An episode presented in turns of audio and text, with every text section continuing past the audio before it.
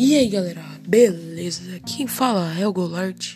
Estamos aqui para mais um vídeo, um podcast aqui no canal do Golart.